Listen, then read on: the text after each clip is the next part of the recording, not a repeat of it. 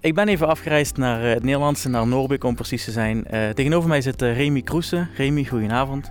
Goedenavond. Goedenavond. ik zie dat u hier in Noorbeek woont in een container, zal ik het maar noemen. mag ik vragen waarom u hier bent neergestreken? Tuurlijk mag je dat vragen, ja. En dankjewel voor je spontane bezoek. Um, wij staan hier als onderdeel van een project wat in totaal bijna drie jaar duurt. Dat heet Dear Euregio. En elke drie maanden verhuizen wij naar een andere plek. Doen wij, eh, als architecten doen wij, doen een onderzoek eigenlijk. We proberen vooral uh, mee te maken van hoe is het hier op die plek, hoe is grensoverschrijdende samenwerking, uh, hoe kunnen wij door hier zelf te wonen, ontdekken van ja, wat valt er hier nog te winnen op het gebied van grensoverschrijdende samenwerking. En dat is ook specifiek de opdracht die we hier in IJs de Margraten hebben. We hebben ook op andere plekken gestaan, vooral in steden tot nu toe. In Aken, in Hasselt, in Genk, in Maastricht, in Heerlen, in Eupen. Moet ik even denken, vergeet ik er een? Nee, volgens mij niet. Hij is de Margraat de zevende tot nu toe. En eh, in die steden hebben wij ook heel andere dingen gedaan die niet specifiek met grenzen of met andere landen te maken hadden. Daar ging het vaak gewoon over eh, een binnenstad, een centrumgebied, ehm, de ondertunneling van de A2. Maar in dit geval, eh, omdat we inmiddels ook in al die landen geweest zijn, heeft de gemeente IJsselmargraat ons gevraagd van kijk eens uh, voor ons uh, of er mogelijkheden zijn of, of, of er intensivering mogelijk is op het gebied van grensoverschrijdende samenwerking. En is die er? Uh, nou, dat denken wij zeker. Ja, ja. Kijk, um, het zou raar zijn als wij van scratch af allerlei nieuwe dingen zouden moeten gaan beginnen of van alles nieuws zouden ontdekken. Want wij wonen hier nu moet ik even goed nadenken, een dikke twee maanden al. We hebben dus nog een kleine maand te gaan. En in twee maanden kun je niet het wiel opnieuw uitvinden en je kunt niet uh, iets in gang zetten wat nog nooit geweest zou zijn. Uh, dus de gemeente heeft al heel veel linkjes, onder andere met de gemeente in Voeren. Uh, we merken wel dat het heel simpel om, en dat is misschien cliché, maar het is wel echt een waarheid, vanwege taalverschillen. Als we bijvoorbeeld kijken van wat grenst er iets meer aan de oostkant van, van IJs de Margaten aan aan hun gemeente. Dan ga je al snel naar Franstalige gemeenten. En uh, daar is er nog een wereld te winnen. En uh, er zijn natuurlijk praktische dingen als de taal. Die het moeilijk maken om daar uh, contact mee te hebben. Zeker voor, voor Nederlanders is Frans toch vaak een probleem. Ja, inderdaad.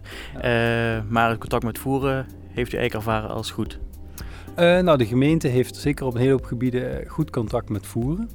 Uh, je merkt wel aan een, hele hoop opzichten dat de gemeente voeren, uh, toerisme bijvoorbeeld ook, uh, ik wil niet zeggen de voerenaar in het algemeen, want die hebben wij niet leren kennen. Ik wil nooit in algemeenheden spreken, maar zeker de gemeente en toerisme voorstreek, proberen ook een beetje te beschermen wat ze hebben. En dat is het landschap en dat is de rust. En ze kijken bijvoorbeeld met een soort van afschuw naar de Mergelandroute, die er hier in Nederlands-Limburg, onder andere door IJs de Margaten loopt. En ze zijn zich dus zeker bewust van wat er aan de overkant speelt. Ze weten het van elkaar, ze houden elkaar op de hoogte. Maar er is ook wel een duidelijke grens op een aantal punten. En een van die punten is dan bijvoorbeeld, uh, ja, we moeten ook niet te veel uh, toeristen hier naartoe krijgen. En daar merk je dat er soms wel op de handrem, uh, of aan de handrem getrokken wordt. Maar dan hebben we het vooral over toerisme inderdaad. Uh, bent ook een beetje op de hoogte van de vereniging en zo? En ik weet toevallig dat de Harmonie van Mobeek samenwerkt met de Harmonie van Voeren. merkt u nog meer van dat soort samenwerkingen? Um, goh, dat zit echt in het dagelijks leven. Er, woont familie over en weer. We hebben hier mensen gesproken die in uh, Voeren, in Sint Martensvoeren of Schavenvoeren wonen. En die in Nederland werken, die dus dagelijks twee keer uh, die grens oversteken. Um, als wij hier naast ons, want je zei inderdaad een container, het is letterlijk een verbouwde zeecontainer. Uh, naast ons zit een winkeltje als wij daar aardbeien kopen en er staat op dat het Belgische aardbeien zijn, dan zeggen ze ja, maar die zijn van hier, dat is een streekproduct.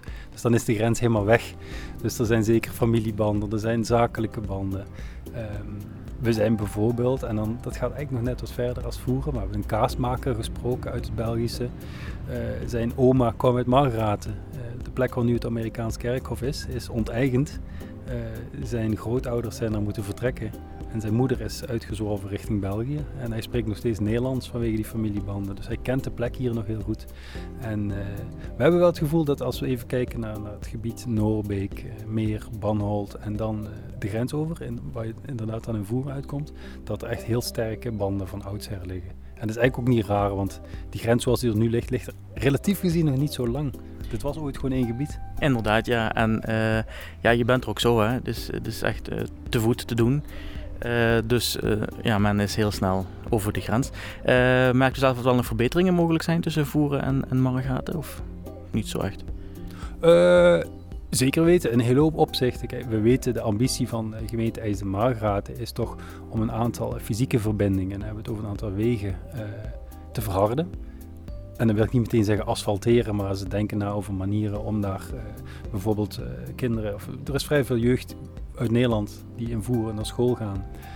Uh, zijn nu eigenlijk maar twee of drie verharde wegen en daar moet je soms een heel stuk voor omfietsen maar dan hebben we het vooral over Altenbroek en uh, hier uh, verder door? Ja, dan hebben we het inderdaad hier over Altenbroek, de Stadshaag heet het geloof ik. En je hebt inderdaad een weggetje langs de andere kant van Altenbroek, wat ook niet verhard is. Daar spelen allerlei perikelen wat te maken heeft met uh, privé, met Altenbroek zelf, met de gemeentes die soms tegenover elkaar staan. wat ik al zei, de ene gemeente die het liever een beetje de drukte buiten de deur houdt. En dat is ook heel begrijpelijk, dat moeten ze ook vooral koesteren. Um, ja, op de een of andere manier mag daar wel een keer waarschijnlijk, kijk, op wat voor beslissing dan ook, maar er mag wel een beslissing genomen worden. Het is niet aan ons om die te nemen. Uh, wij pretenderen ook niet dat we daar een belangrijke rol in kunnen spelen. Maar ik denk wel dat wij, uh, los van die politieke perikelen die er zijn, ook andere praktische zaken kunnen, kunnen benoemen.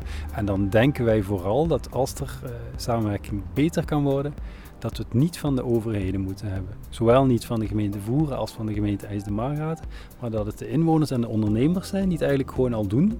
En daar hebben we heel veel voorbeelden van gevonden. En als de gemeente daar kleine dingetjes in zouden kunnen ondersteunen, faciliteren, denken wij dat je op een heel natuurlijke manier eigenlijk, uh, waar nodig, die grens heel makkelijk kunt overschrijden. Heeft u een paar van die voorbeelden? Goh ja, ik had het al, ik noemde die kaasmaker net even. Uh, die meneer die, uh, die reist heel Europa af om de goede melk te vinden voor zijn kazen. Die maakt volgens mij hele mooie producten en die importeert ook een hele hoop producten. Uh, hij staat op een aantal markten alleen in het Waalse. Uh, en dat denk ik dan van, ja, het zou volgens mij voor een hele hoop inwoners hier in, in Nederlands-Limburg, maar zeker ook toeristen, zou het echt een kans zijn als zij uit zijn kraam kaas konden kopen. Want heel veel vakantiegangers bijvoorbeeld eh, komen naar Nederland-Zuid-Limburg om zich een beetje in Frankrijk te wanen. Dat is echt het beeld. Uh, dat geldt natuurlijk voor, voor, voor, uh, voor België niet. Daar ga je echt niet naar Nederlands-Limburg om je in Frankrijk te wanen. Maar als dan zo iemand die, die op een ambachtelijke manier nog kaas maakt en die kaas importeert met een heel typische kraam, ook op de Nederlandse markt zou staan, zou dat een heel toegevoegde waarde zijn. En uh, in zoiets denken wij dat een overheid best wel een klein zetje kan geven. Ja. En komt u zelf hier uit de buurt? Ik ben zelf opgegroeid in uh, Wielder, zoals ze dat in dialect noemen. Dus dat kun je wel stellen dat het in de buurt is. Ik denk dat het hemelsbreed een kilometer of 10, 15 van Noorbeek is. Ja, zoiets, ja. ja. Dus u kent de regio goed? Ik ken de regio vrij goed, ja. Ik uh, ben wel af en toe weg geweest natuurlijk voor studie en zo, maar altijd weer teruggekomen. En nu ook heel bewust voor dit project, dat Diro Regio, gekozen. Om uh, hiermee eindelijk ook echt eens over de grens te gaan kijken. Want we hadden het gevoel, er wordt zoveel gesproken over Euregio, over grensoverschrijdende samenwerking. Maar laten wij nu echt eens gewoon de tijd nemen en op verschillende plekken echt gaan wonen. En kijken wat is het verschil nu vanuit die woonervaring en om buren te maken. En hoe bevalt Noorbeek? Goh, ik moet eerlijk zeggen, supergoed. Uh, je hoort nu misschien wat verkeer op de achtergrond, maar uh, ja, het is hier eigenlijk doodstil. We staan op een heel mooie plek vlak naast de kerk, maar Noorbeek is klein. Als wij uh, twee minuten de westkant oplopen, staan we midden in de natuur. En in deze periode van het jaar, zeker met het weer wat we nu hebben, was dat voor dit project heel fijn. Want je kunt je voorstellen, soms staan we met die containers ook midden in het stadcentrum. En dan, dan mis je soms wel een beetje rust en ruimte om je heen. Kan ik me heel goed voorstellen, ja. Ik wil u hartelijk bedanken voor dit interview. Graag gedaan.